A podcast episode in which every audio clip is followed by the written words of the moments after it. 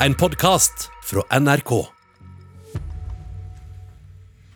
Motebransjen har lenge fått kritikk for å ikke speile det naturlige mangfoldet blant kvinner i samfunnet. Ellos er en av flere aktører som prøver å ta det på alvor. De har nå lansert en kampanje for å løfte frem kvinner i alle slags fasonger, aldre og farger. Og kroppspositivist Vilde Siem synes at det ser lovende ut. Jeg syns egentlig det ser veldig positivt ut. At det er mye forskjellige fine, flotte damer som gir en um, mangfold på forskjellige måter. Kroppsaktivist Vilde Seim kjemper for at alle skal være glade i kroppen sin, uansett hvordan han ser ut.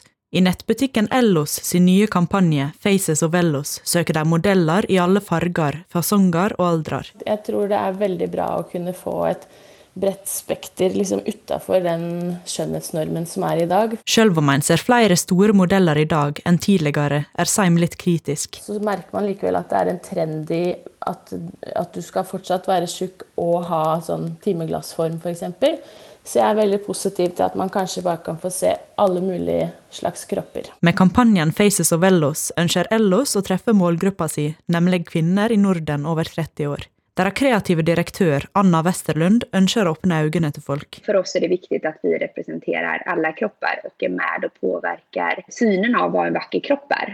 Eh, og For å kunne gjøre det på et bra sett, så bør vi ha en sterk representasjon i de kvinnokropper som vi viser opp fra vår side. Så langt har Ellos fått positiv respons på kampanjen. Det er at så mange kvinner som bare mulig kjenner at de vil være en del, og at man våger, fast man kanskje tidligere ikke har kjent at man passer inn i formen av hva en modell er. Professor på Norges idrettshøgskole, Jorunn Sundgat Borgen, sier at det kan være vanskelig å måle effekten av en slik kampanje men hun tror den vil ha positiv effekt. Når eh, jenter og unge kvinner ser eh, sin egen kropps form og størrelse på postere og i kampanjer, og, og finner seg definert som innafor dette spekteret, ikke bare ser unaturlige kropper, så er det med på å og gir de en selvfølelse at 'jeg er ok, min kropp er ok, slik som den er'. Hun mener at dagens skjønnhetsideal er uekte, og at det kan ha negative konsekvenser.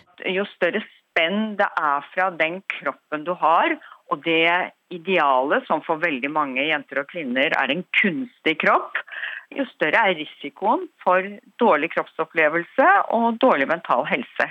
Kroppsaktivisten Vilde Seim har denne oppfordringa til motebransjen. Jeg absolutt jobber mer med mangfold, og sånn som Ellos gjør her, og noen få andre. For dette er jo ikke trend og politisk korrekt. Reportere her det var Emily Louisa Milan Eide og Oda Elise Svelstad. For å snakke mer om eh, dette temaet, så har vi med oss eh, deg, Veronica Simonet Fjell. Du er journalist og vlogger, og mange kjenner deg også fra Instagram og Snapchat der du deler kroppspositive innlegg. Du har eh, bl.a. over 100 000 visninger på Snapchat daglig, og i dag har du også gitt ut boka Du er fantastisk. Vi skal eh, prate mer om den nå, men aller først, eh, hva syns du om kampanjen til Ellos? Den syns jeg er med på å bygge opp under identiteten til alle de unge jentene som i lang tid, på overtid, har følt seg egentlig ikke inkludert. Så den er, som det ble sagt i nyhetsinnslaget, veldig velkommen.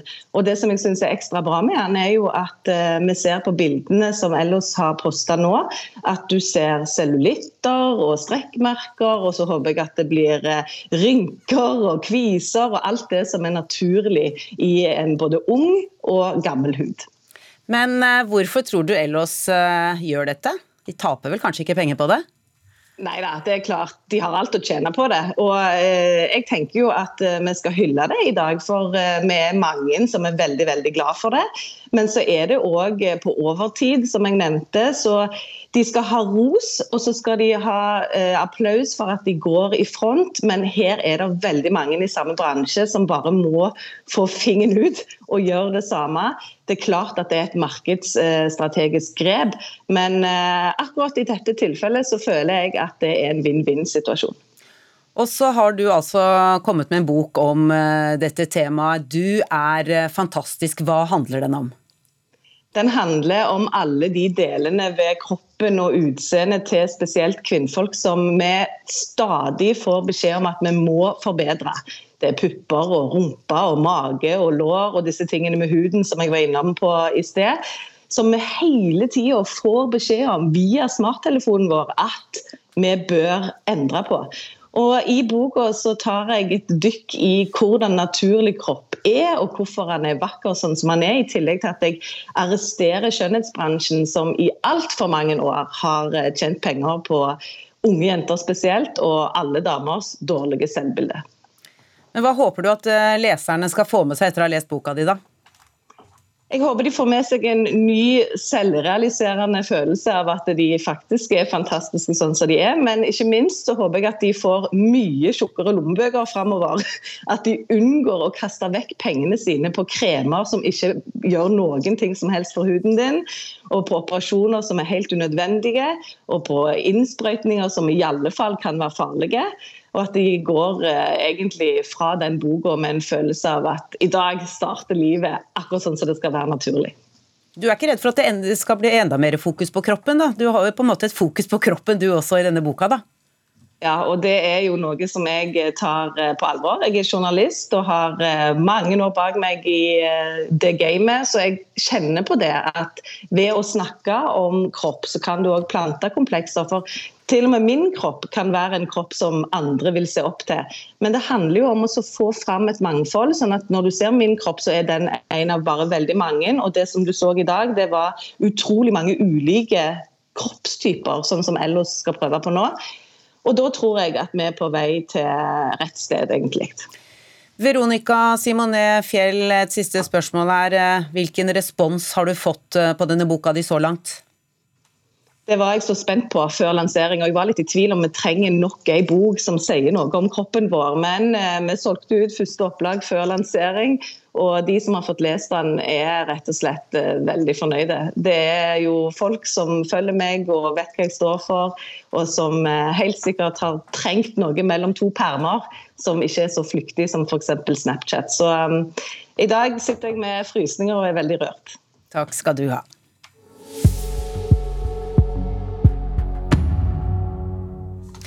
I morgen samler Kultur-Norge seg til et opprop foran Stortinget. Målet er å få landets beslutningstakere til å ta kulturbransjen på alvor og komme med de tiltakene som trengs for at de skal overleve koronakrisen. Kulturkommentator Agnes Moxnes, god morgen. Hva er eh, bakgrunnen for dette oppropet? Det er jo ikke noe nytt at eh, kulturbransjen er i en utsatt posisjon. Det har de vært helt siden koronareglene ble Eller altså hvor smitteverntiltakene ble innført i Norge i begynnelsen av eh, mars.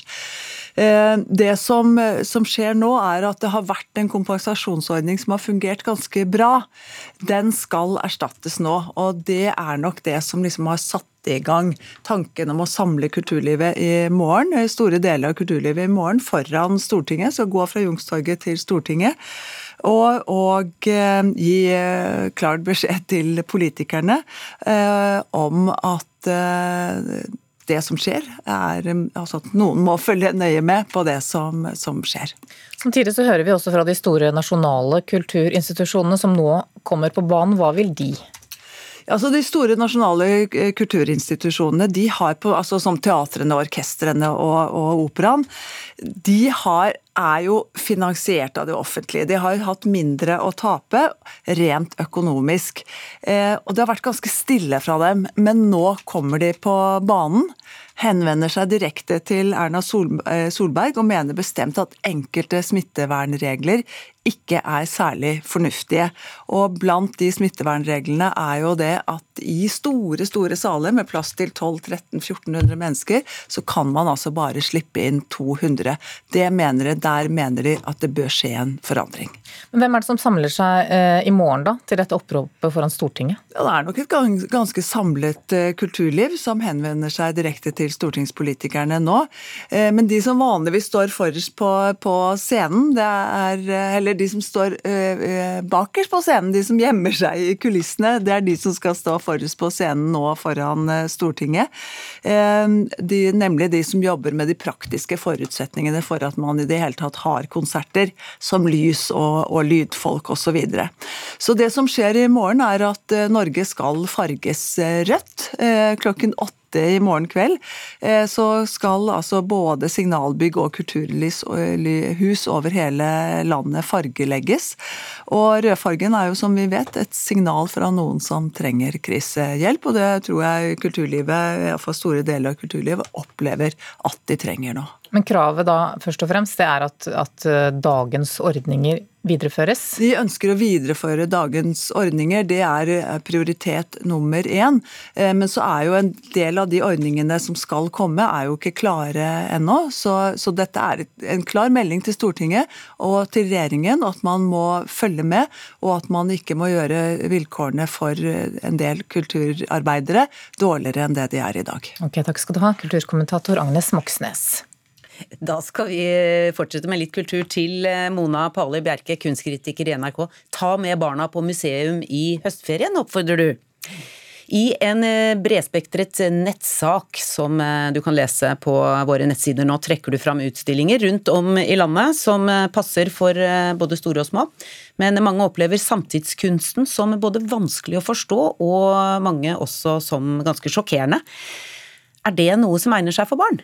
Ja, det mener jeg. Jeg mener at det er få kunstverk som man ikke kan vise frem til barn hvis man har med en forstandig og tilstedeværende voksen. Min erfaring er at kunst kan danne veldig gode utgangspunkt for samtaler, viktige samtaler med barn. Nå, mens vi venter på det amerikanske valget f.eks., så kan man gå på Kode i Bergen og se utstillingen Private Eyes, som viser amerikansk kunst fra 60-tallet og fremover. Der kan man bl.a. se den banebrytende fotografen Nan Goldin, som skapte snapshot-sjangeren, og som viser sitt eget liv i en sanselig nærhet med rus og vold, eh, vonde og vakre kjærlighetsforhold. Her kan man snakke om utenforskap, det å ta vare på hverandre. Og Generelt sett så tror jeg barn har et sterkt forhold til USA. Det er et referansepunkt både populærkulturelt, men også politisk. De er opptatt av Donald Trump, f.eks. Og denne utstillingen, kunstverk her, gir en bakgrunn for veldig mange av de debattene som raser akkurat nå i USA, som f.eks. rasismedebatten. Men det er eh, kanskje lurt å ha med seg voksne på eh, noen av disse utstillingene? Helt klart. F.eks. Lillehammer kunstmuseum. der der vises nå den legendariske amerikanske Nancy Spero, som gjennom hele sin karriere har tatt for seg undertrykkelse, krig og overgrep. Og dette er jo tunge temaer som man må snakke om når man ser verkene. Et av hennes sterkeste arbeider, som første gang ble vist på Venezia-binalen i 2007, heter Maypole Takes No Prisoners. Og det er utstilt, og det er da en installasjon som er preget av sterke kontraster. Man har maistangen, som vi forbinder med midtsommer og veldig sånn harmonisk, og så henger det da fra disse båndene eh, 100 aluminiumsansikter med grimaser som viser sorg og smerte. Men her kan man jo gå sammen med barna og snakke om forskjellige følelsesuttrykk. Hvordan oppleves det å føle sinne, f.eks.? Hvordan er det å føle sorg? Og årets Festspillutstilling har eh, du framhevet som en eh, milepæl i norsk kunsthistorie. Er den også noe å ta med seg barn på? Absolutt. Den samiske altakunstneren Joar Nango har jo gjort hele utstillingsrommet i Bergen kunsthall til en, eh, liksom en, arena for uavsluttede prosesser. og Her er det et veldig sterkt deltakeraspekt som passer veldig godt. Her kan man legge seg ned på reinskinn og kjenne hvor mykt og godt det er på lavvogulvet. Her er det morsomme materialer, som man f.eks. lagd en lysende skulptur av kveitemagesekk. Eh, så dette er jo veldig gøy for barna. Og for de litt større barna så kan man sette seg inn i den samiske kulturen gjennom det fantastiske arkitekturbiblioteket som inngår i utstillingen. I Trondheim er det også en utstilling du anbefaler å ha med barn på? Ja, en av våre fremste kunstnere, Leonard Rickards malerier som vises på Trondheim kunstmuseum, er, de er jo figurative og fulle av fortellinger som barn kan fordype seg i. Han kalles jo stillhetens maler. Han skildrer ventetid. Det er nesten noe litt klaustrofobisk av og til ved bildene hans. Eh, og her er det jo et billedunivers med masse ting som man kan ta fatt i og kanskje la seg inspirere av. Selv om Munch-museet og Nasjonalmuseet ikke åpner eh, før eh, neste år, så er det ting som skjer i Oslo også? Ja, Astrup Fearnley-museet står jo der og viser Antibodies eh, med den amerikanske kunstneren Josh Klein. Og han skaper da gjennom installasjoner, skulpturer og videoer bilde av en verden i krise. Eh, prosjektet er jo da, har da disse skjebnesvangrende, ganske uhyggelige fremtidsfortellingene.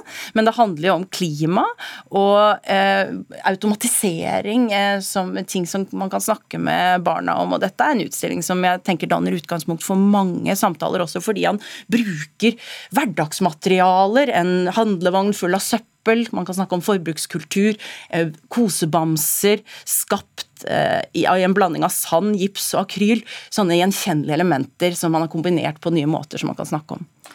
Dette er jo ganske tunge temaer òg. Ja, det er jo det. Så det er klart at Hvis man ønsker seg å hengi seg til litt mer skal jeg si, skjønnhet og bare liksom fargeglede, så kan man reise til Kristiansand på Sørlandet kunstmuseum og kose seg med en av våre store pionerer innenfor det abstrakte maleri, Gunnar S. Gundersen, og hans herlige farger og former. I hans abstrakte malerier så er det de, Han jobber jo med eh, sirkler og alle de geometriske formene, og det er nesten sånn optisk illusjon av rom, så du blir nesten svimmel av å se på det. Det kan være veldig gøy å gjøre med barn, og så prøve å se er det noe gjenkjennelig her. Hva er det vi ser der? Er det en måne, er det en ball, eller er det et fjell? Um, og kanskje dra hjem og tegne og la seg inspirere etterpå. Og dette kan eh, vi lese mer om i artikkelen din på nrk.no. Ja, både noen av disse utstillingene og flere andre. Takk skal du ha, Mona Pale Bjerke. Du har hørt en podkast fra NRK. Hør flere podkaster og din favorittkanal i appen NRK Radio.